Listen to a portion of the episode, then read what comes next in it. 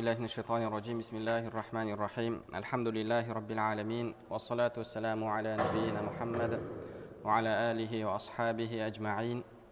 رب اشرح لي صدري ويسر لي أمري واحلل عقدة من لساني يفقه قولي. اللهم علمنا ما ينفعنا وانفعنا بما علمتنا وزدنا علما وعملا وتقا وإخلاصا يا رب العالمين. أما بعد السلام عليكم ورحمة الله وبركاته. Иншаллах алла субханала тағаланың қалауымен имам абу хамид ал ғазали рахмауллахтың кітабы бойынша нәпсіні тәрбиелеу тақырыбындағы дәрістерімізді ары қарай жалғастырамыз біз сіздермен әл мунжият бөлімінің китабу ният уал ихлас яғни ықылас ниет бабын өтіп жатырмыз және біздің келіп тоқтаған тақырыбымыз бұл баяну хукмил амалил машуб яғни егер адамның ықыласына басқа бір қосымша ниет бөтен ниет араласатын болса ол адам сауап алады ма алмайды ма оның амалының үкімі қандай осы мәселеге иншалла тоқталатын боламыз. Ғұламаларымыз бұл мәселеге қатысты екі түрлі немесе бірнеше көзқарастарда болған бірнеше түрлі. Енді жалпы егер сіздің амалыңыз таза рия ниетімен болатын болса оған ешқандай сауап жоқ. Керісінше сіз ол үшін алла субханала тағаланың алдында күнә табасыз егер амалыңыз таза ихласпен ықыласпен болатын болса ол амалыңыз иншалла алла субханала тағаланың алдында жүз пайыз қабыл. Ал енді рия ниетімен емес таза ықыласпен де емес бірақ сол кейбір қосымша ниеттер бөтен ниеттер араласатын болса оның үкімі қалай? Енді бұған қатысты келген хадистер бар. Кейбір хадистерге қарайтын болсақ ол амалдан ешқандай сауап жоқ деген түсінікке тоқтауға болады. Екінші бір хадистер бар. Оған қарайтын болсаң ол адамның амалында жалпы амал үшін сауап алуы да мүмкін деген түсінік қалыптастыруға болады. Пайғамбарымыз саллаллаху алейхи уассаламнан келетін хадис имам насаи рахмауллах риуаят еткен әбу умама әл бахили радиаллаху анхуден. Пайғамбарымыз саллаллаху алейхи уассаламға бір кісі келіп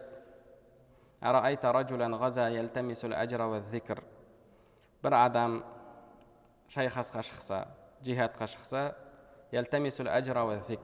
бір жағынан әжірді яғни сауапты қалайды екінші жағынан адамдардың арасында сөз болуын яғни адамдардың оны сөз етуін батырлығымен еске алуын қалайды.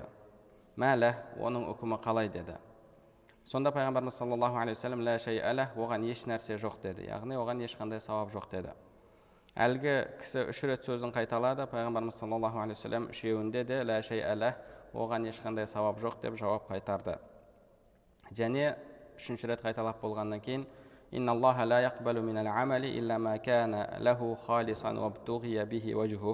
алла субханала тағала тек қана өзі үшін таза өзі үшін алланың разылығы талап етіліп жасалған амалды ғана қабыл етеді деді яғни бұл хадисте қарап отыратын болсақ қандай да бір адамның амалына бөтен ниет қосылатын болса онда оның амалы қабыл болмайды дегенді түсінуге болады енді екінші бір хадис имам ахмад рахмауллахтан келеді муснад кітабында онда әбу дарда радиаллаху анхуден риуаят етіледі пайғамбарымыз саллаллаху алейхи уассалам бірде бір бірнеше кісілерді жалпы әскер қалыптастырып яғни әскер топтастырып соларды жорыққа шығарды сол жорықтан келген кісі кейін келген кезде мынандай болды мынандай болды керемет болды дұшпандармен кездескен кезде мынандай жағдай болды деген секілді осындай сөздерді айта бастады сонда сол жерде отырғандар бұл қалай қалайша айтып жатсың бұның сауабы жоғалды ғой яғни амалыңның сауабы жоғалды ғой деген осындай түрлі пікірлер айтылды екінші біреулер айтты жоқ деді бұл алла разылығы үшін істеген ал енді айтқанның ешқандай күнәсі жоқ оқасы жоқ деген сөзді айтты. Сөйтіп өздерінің арасында пікірталас болды да пайғамбарымыз саллаллаху алейхи вассаламға келді. Сонда пайғамбарымыз саллаллаху алейхи уассалам субханаллах ла юхмада яғни ешқандай оқасы жоқ бір жағынан сауап алады екінші жағынан мақтауға қалады деген сөзді айтты. Яғни имам хамид ғазали айтады осы риуаяттарға қарап адам бір риуаяттардан қосымша ниет болса еш нәрсе етпейді деген түсінуге болады. Екінші бір риуаяттарға қарайтын болсаң жоқ амалың таза алла разылығы үшін болу керек ешқандай бөгде бөтен ниет араласпау керек дегенді түсінуге болады. Осыған қарай жалпы бұл жерде үкімнің әртүрлі болатындығын түсінеміз дейді. Әртүрлі болатындығын түсінеміз.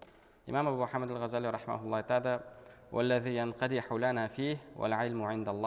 сол үшін де яғни біздің бұл аят хадистерден түсінгеніміз дейді шынайы білім яғни білгеніміз түсінгеніміз ол былай дейді.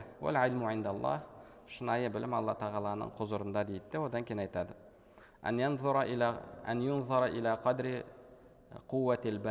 Енді адамның сол қосымша ниеті қаншалықты күшті болып тұр. Яғни алла разылығы үшін деген ниет тұр ықылас және одан кейін қосымша ниет. Қайсысы күштірек болып тұр? Егер екеуі де бірдей болатын болса яғни елу де елу болып тұрса онда тақауама деді. Яғни екеуі бір біріне қарсы келеді де екеуі бір біріне қарсы келіп мынау мынаны ала алмайды мынау мынаны ала алмайды сонымен бұл амалдан ешқандай бір нәтиже шықпайды дейді. Ол амал яғни ол адамның пайдасына да зиянына да болмайды дейді. Біз бағана осы сабақтың басында мысал келтіріп кеткен едік. Адамның бір істі істеген кезінде алланың разылығы үшін деген ниетіне қосымша бір ниеттің араласуы. Ол ниет әртүрлі деңгейде болады дедік. Кейде манағы яғни елу де елу болады. Оған мысал ретінде әлгі екі әлсіз адамды келтірген едік.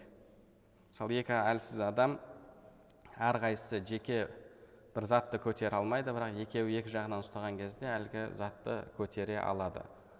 Мына жерде де сіздің амалыңыз елу пайыз қосымша ниетпен ол рия ма немесе бір дүниелік мақсат па сондай бір ниет болса елу пайызға алла разылығы үшін болатын болса онда бұл екі ниет яғни бірін бірі ала алмайды да сонымен бұл амалдан ешқандай нәтиже болмайды дейді.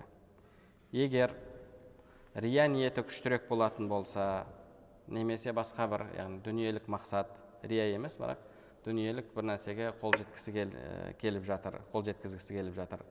Сол ниет күштірек болатын болса онда оның амалынан ешқандай сауап жоқ дейді амалы оған пайда бермейді. Керісінше амалынан зиян болады деді. Амалынан зиян болады. Бірақ әлбетте оның амалы таза рия ниетімен жасалған амалмен тең емес дейді яғни мысалы бір адамда кішкене болса да алла разылығы үшін деген ниет бар. Екінші бір адам таза рия ниетімен жасап жатыр.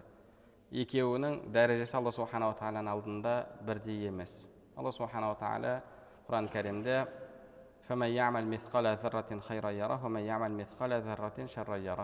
кім шаңның тозаңындай жақсылық істесе оны көреді кім шаңның тозаңындай жамандық істесе оны көреді деді көреді деген бұл жерде яғни ертең оның сауабын алады немесе күнәсін алады деген мағынада ал егер сауап ниеті алла разылығы үшін деген ниет күштірек болатын болса сол басым келсе онда сол ниетінің күштілігіне қарай иншалла алла субханала тағала оған сауабын жазады сауабын жазады.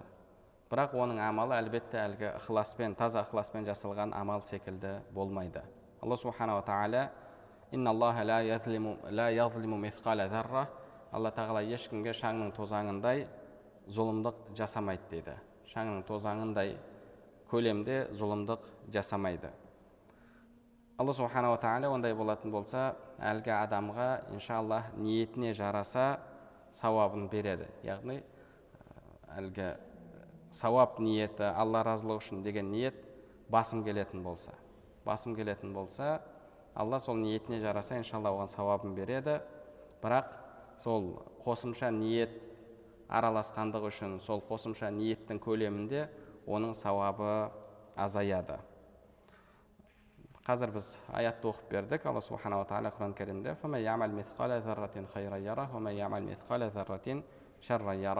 кім шаңның тозаңындай жақсылық істесе иншалла ертең алла субханала тағаланың алдында соның жақсылығын көреді енді не үшін бұлай айтып жатырмыз деген мәселені имам мұхаммед ғазали рахмаулла былай деп түсіндіреді жалпы адамның жүрегінде не алла разылығы үшін деген ниет болады.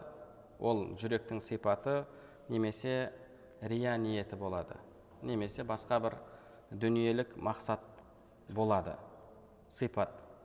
Енді ол сипаттың азығы бар. Ол сипаттың азығы бар.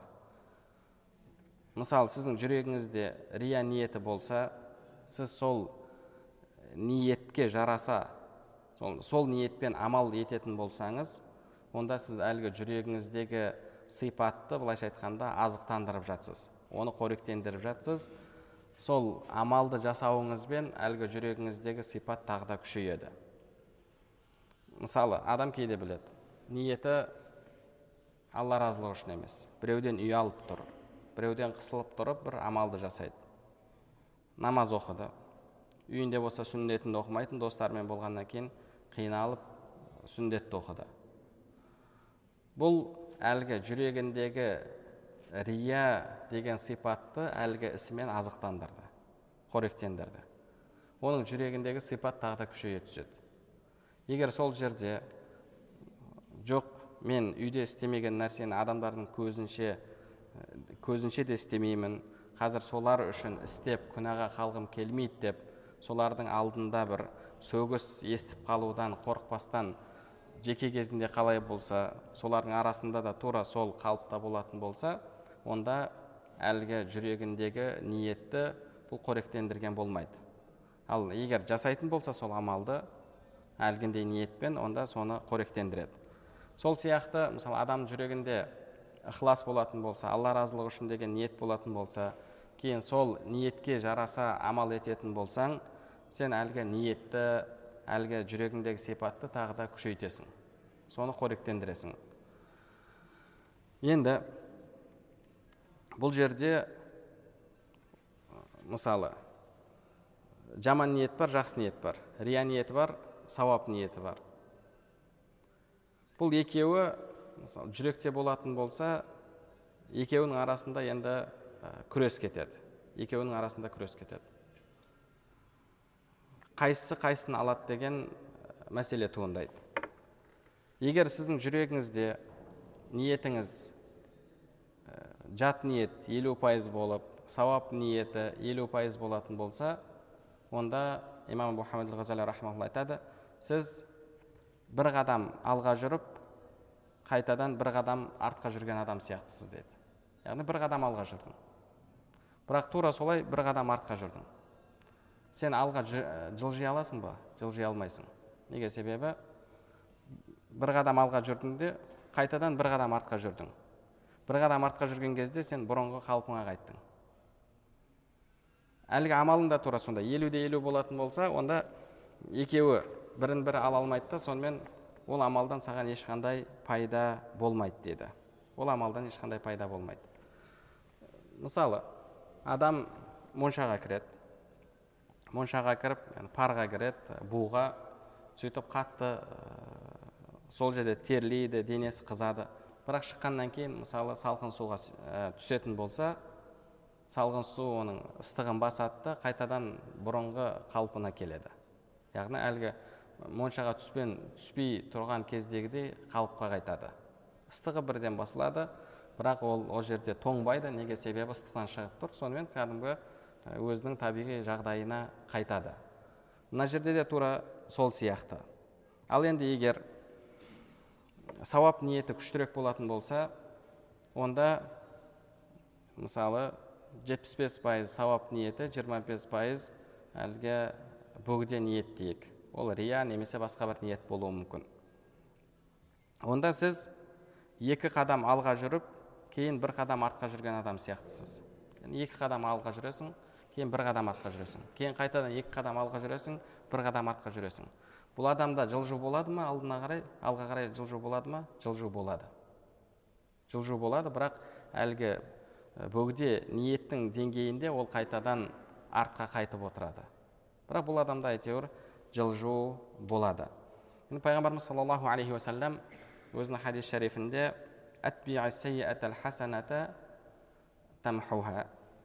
жамандық істесең артынан жақсылық істе жамандықты жойсын дейді. Жамандықты жойсын. Яғни сіздің жақсы ниетіңіз жаман ниетті жояды. Жаман ниетіңіз жақсы ниетті жояды. Ал енді екеуі бірге жүрегіңізде болатын болса онда арасында талас кетеді. Елу де елу болса онда бірін бірі ала алмайды. Бірақ жақсы ниет күшті болатын болса онда соған жараса иншалла алла субханала тағала сауабын береді. Және имам әбу хамид ғазали рахмаулла оған тағы мынандай бір мысал келтіреді. Бір адам саудамен ә, кешіресіздер қажылық ниетімен сапарға шығады. Бірақ қажылыққа бара жатқан кезде тағы да сол жақта сауда істеп пайда көрейін деп мысалы меккеде қандай зат жақсы өтетін болса соны қарастырады да өзімен бірге алып барады. Кезінде біз жақтан адамдар көптеп бала алып баратын. тоқсаныншы жылдары қажылыққа барған адамдар көптеп бала алып баратын. Сол жақта оқып жатқан жігіттер арқылы әйтеуір арабтарға сататын. Бірақ кейіннен таза емес балдарды адамдар алып барып біздің елдің балының сапасына деген көзқарас ол жақта өзгерді. Одан кейін тағы да бір қосымша сондай бір нәрселер алып баратын. Яғни адамдар қажылыққа барады бірақ қажылықпен бірге кейде қосымша сауда ниеті болады. Бұл адамның қарап отыратын болсақ негізгі құлшылық ниетіне қосымша ниет араласты. Ол сауда ниеті. Негізінде алла разылығы үшін бара жатыр. Қажылығымды атқарып парызымды орындап қайтайын деп. Бірақ сонымен бірге зат алып бара жатыр сауда жасап пайда көрейін деп. Бұл кезде имам абу хамид айтады оның ниетіне қаралады деді. Ниетіне қаралады.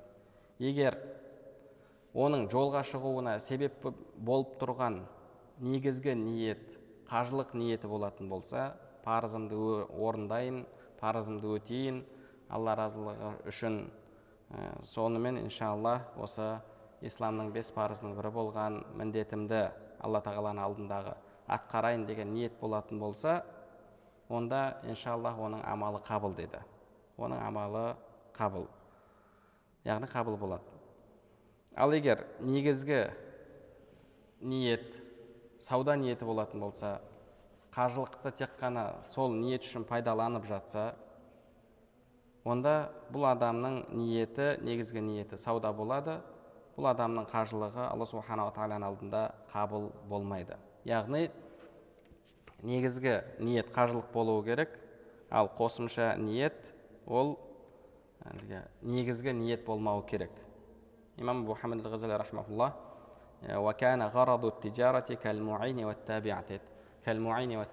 бұл жерде басында ол кісі адамның қосымша ниетін бөлген кезде соларды осындай атаулармен атаған еді. Яғни мысалы бір күшті адам затты көтереді бірақ екінші адам көтеріскен кезде сәл жеңілдетеді. Сәл жеңілдетеді. Бірақ негізі көтеріп жатқан бұл жерде әлгі күшті адам. Екінші адам әлсіз адам. Бірақ көтеріскен әйтеуір бір ә, несін беріп жатыр. Бірақ кейде мысалы сол күшті адам көтереді әлгі жанындағы әлсіз адамның көтергенінің әсері де сезілмейді. Ол тек қана әшейін қолымен ұстап жүрген сияқты болады. Яғни сондай болатын болса ол кезде иншалла оның қажылығы қабыл болады деді. Ал егер негізгі қызығып тұрған нәрсесі негізгі ойлап тұрған нәрсесі сауда пайда табу болатын болса онда оның қажылық ниеті есепке алынбайды. Тура сол сияқты шайқасқа шыққан жихадқа шыққан адам дейді жихадқа шыққан адам егер мысалы оған таңдау берілді. Мына жақта мұсылмандар бір кәпірлермен соғысып жатыр. Мысалы бай кәпірлермен соғысып жатыр. Мына жақта мұсылмандар кедей кәпірлермен соғысып жатыр. Сонымен әлгі соғысқа шығып жатқан мұсылман ойланады. Мынау бай жағына баратын болсам олжа көбірек түседі олар бай олардың дүниелері бар. Дүние табамын деп ойлады мына жақта кедей азырақ түседі деді. Сөйтіп байлармен соғысуға кетті. Бай кәпірлермен соғысуға кетті. Бұл жерде оның негізгі ниеті алла разылығы үшін болатын болса онда әлгі қосымша ниетінің деңгейінде оның сауабы азаяды бірақ иншалла оның амалы толықтай жойылып кетпейді. Толықтай жойылып кетпейді. Және толықтай жойылып кетеді деп айту негізінде имам абу хамид айтпақшы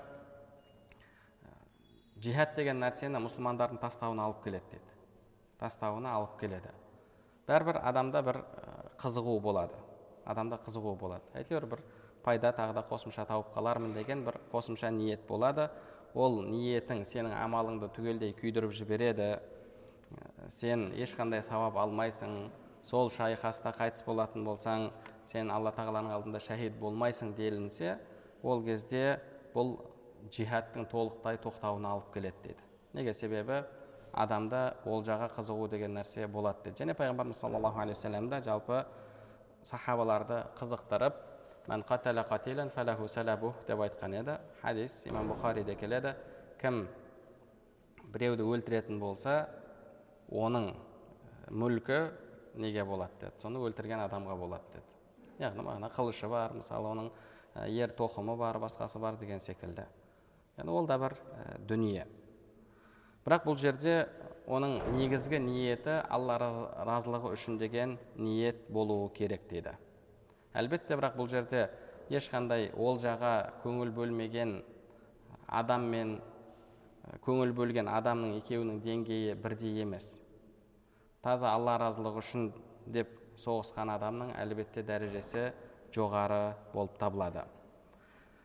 Енді бірақ мынау хадистерді қайтеміз кейбір аяттарды қайтеміз.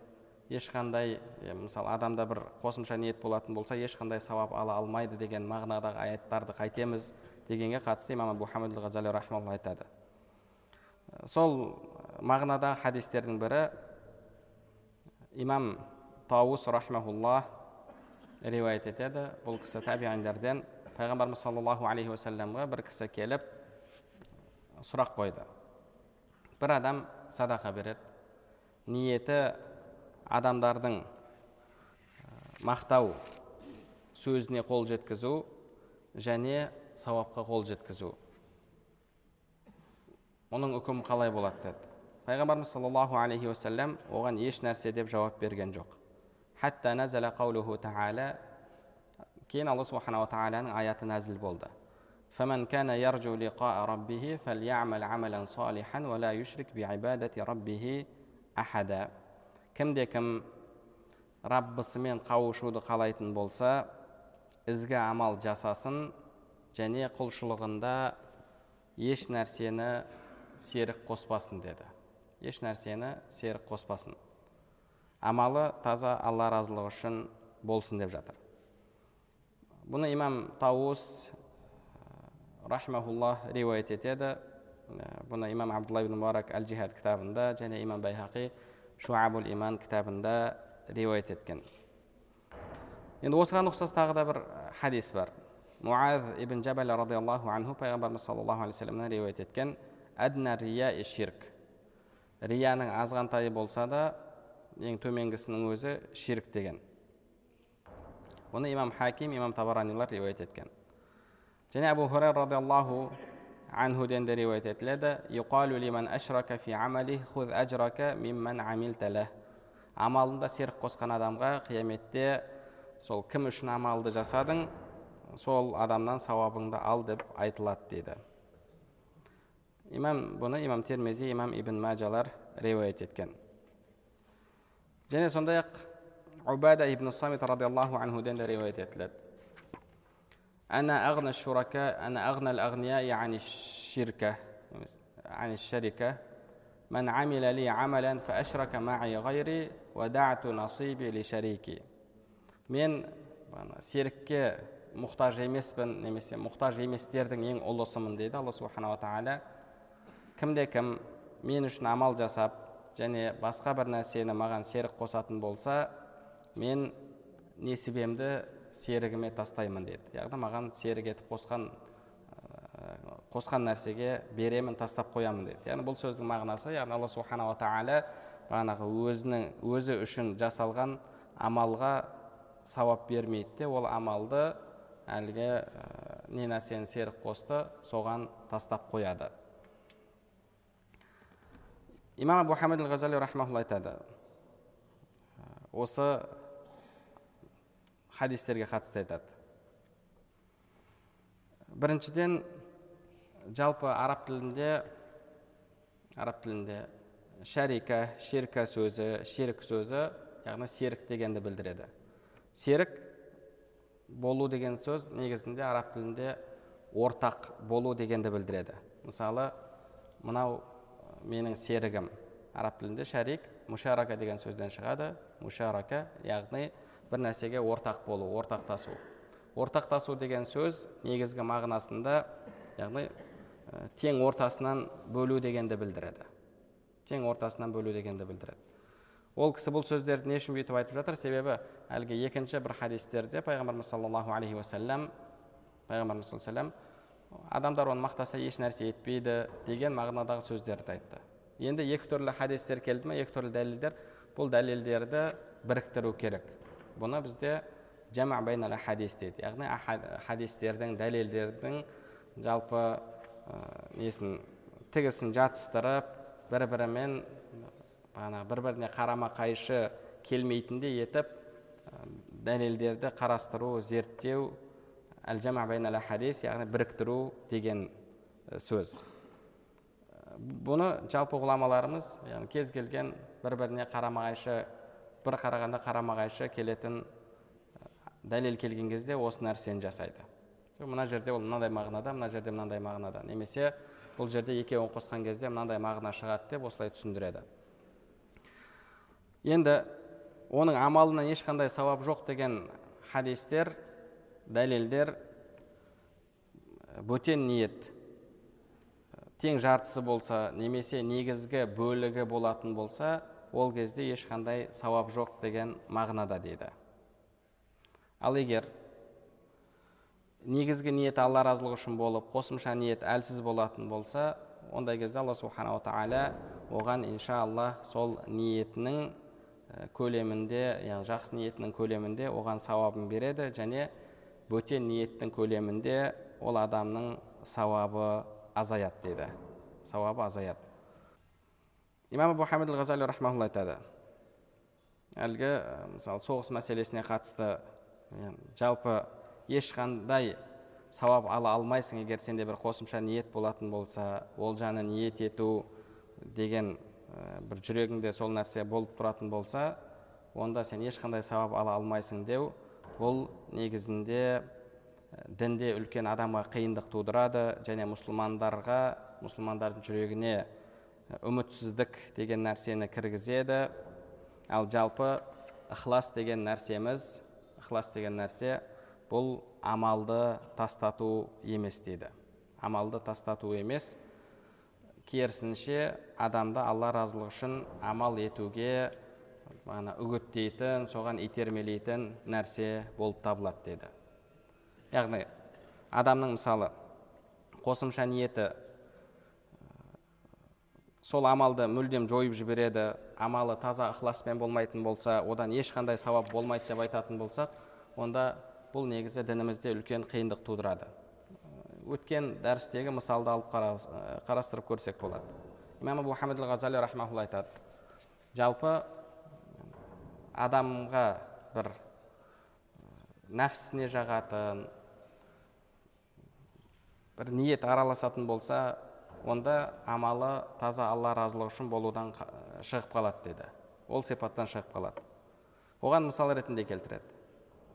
Өткен дәрісте біз оны айтқанбыз. Немесе одан алдыңғы дәрісте ме екі мешіт тұр сенің алдыңда бір мешіттің жағдайы жақсы. Екінші мешіттің жағдайы онша емес. Мысалы дәретханасы ұзақ дәретханасында жылы су жоқ екінші мешітте дәретханасы жақын немесе мешіттің астында болуы мүмкін. Жылы суы бар мешіттің ішінде кілемі жақсы бағанағы теплый пол, пол бағанағы несі еден астынан жылытылады. Сен сол жерді таңдадың иатикафқа ана мешіт таңдаған жоқсың мына мешіт таңдадың. Бұл жерде сен нәпсіңе жағатын нәрсені араластырғандықтан яғни бұл жерде сенің нәпсіңнің өзіндік бір несібесі үлесі болды деді. Сол үшін сенің амалың таза ықыласпен жасалған амал емес деді. Таза ықыласпен жасалған амал емес. Неге себебі? Сен нәпсіңе жағатын нәрсені іздедің деді. Бірақ яғни жалпы адамның табиғатында негізі өзіне ыңғайлырақ болған нәрсені қалайды. Егер біз бұл нәрсені сенің амалыңды күйдіріп жібереді деп сондай бір сипат беретін болсақ онда бұл адамдарға үлкен қиындық тудырады деді. Дінде үлкен қиындық тудырады. Неге себебі? Әлгі соғыс мәселесінде болсын қазіргі біз мысал келтірген иатикаф мәселесінде болсын жалпы мысалы адамда бір сондай бір ниет болып тұрады. Сондай бір ниет болады. Яғни бір қосымша ниеттер болып тұрады. Сол үшін де пайғамбарымыз саллаллаху алейхи уассалам сол ниетіне жараса сауаптың азаятындығын бірақ негізгі ниетіне жараса алла субханала тағала иншалла оған сауап беретіндігін айтты. Имам абу ғазали айтады. Егер біз ешқандай бана негізгі ниетіңе алла разылығы үшін деген ниетіңе қосымша бір ниет араласатын болса ешқандай сауап ала алмайсың дейтін болсақ онда бұл адамдардың бір жағынан амалды тастауына алып келеді дейді. Ал амалды тастату негізі шайтанның көздеген нәрсесі деді яғни мысалы шайтан кейде келеді де оның өзі сені азғырады. Сен рия үшін жасап жатсың алла разылығы үшін жасап жатқан жоқсың деп ол сені азғырады. Не үшін? Ықыласыңды күшейт деп жатыр ма? Ықыласың ә, сен ықыласыңды күшейту үшін алла разылығы үшін деген ниетіңді күшейту үшін саған сол нәрсені айтып жатыр ма? Жоқ ол үшін емес. Онда не істеймін бұл амалды? Рия ниетімен болатын болса онда жасамай ақ қояйын деп сізге амалды тастату үшін сізді насихаттап жатыр. Егер сіз маған қосымша ниет араласып кетті болды онда не істеймін деп тастайтын болсаңыз онда сіз шайтан шайтанның қалағанын шайтанның дегенін орындаған боласыз. Ал ықылас дегеніміз бұл амалды тастату емес. Ықылас дегеніміз амалды тастату емес. Ықылас дегеніміз бұл сол амалды алла разылығы үшін жасауға адамның қолдан келгенінше шайтанмен әлгі қосымша ниеттермен күресіп мейлінше амалын алла разылығы үшін жасауға тырыстыру. Ықыластан негізгі мақсат сол болып табылады. Имам абу хамид ғазали бір мысал келтіреді. Әбу саид әл харраз деген үлкен әулие ғалым болады. Оның жанында бір шәкірттері қызметте жүреді. Имам әбу саид бір күні осы рия ықылас мәселесінде әңгіме айтады. Сонымен шәкірттеріне әлгі сөз ауыр де қызметін жасауға қиналады. Қызметін жасауға қиналып яғни әрекеттері бағанағы мәмілесі өзгеріп жүргенін байқаған кезде байқаған кезде имам әбу саид ол кісіге айтады. Не болды не үшін бұлай істеп жатсың? деген кезде шәкірттер айтады сенің әлгі уағызың бізге ауыр тиді сонымен біз осы амалды жасаймыз ба жасамаймыз ба деп ойланып қалдық. Егер амалымызда ешқандай сауап болмаса күнә болатын болса онда не үшін жасаймыз деп өздерінің уәждерін айтады. Сонда әбу саид былай дейді. Лә тафал яғни бұлай өзгерме бұл нәрсені істеме. Иннал ықылас дегеніміз алламен мәмілені алламен қарым қатынасты үзетін нәрсе емес амалыңды жалғастыр және ықыласыңды күшейтуге тырыс мен саған амалды таста деген жоқпын амалды ықыласпен жаса деп айттым деді яғни адам қолынан келгенше шайтанмен әлгі қосымша ниеттермен күресу керек сол үшін амалды тастауына яғни бағана қосымша ниет кіріп кетті деп амалды тастауына болмайды амалды тастайтын болса ол шайтанның бағана қалағанын орындаған болып табылады ондай болатын болса яғни жалпы қосымша ниет кіріп кетті деп амалды тастауға болмайды. Фудайл ибн аяд рахмауллахтан келген сөз бар.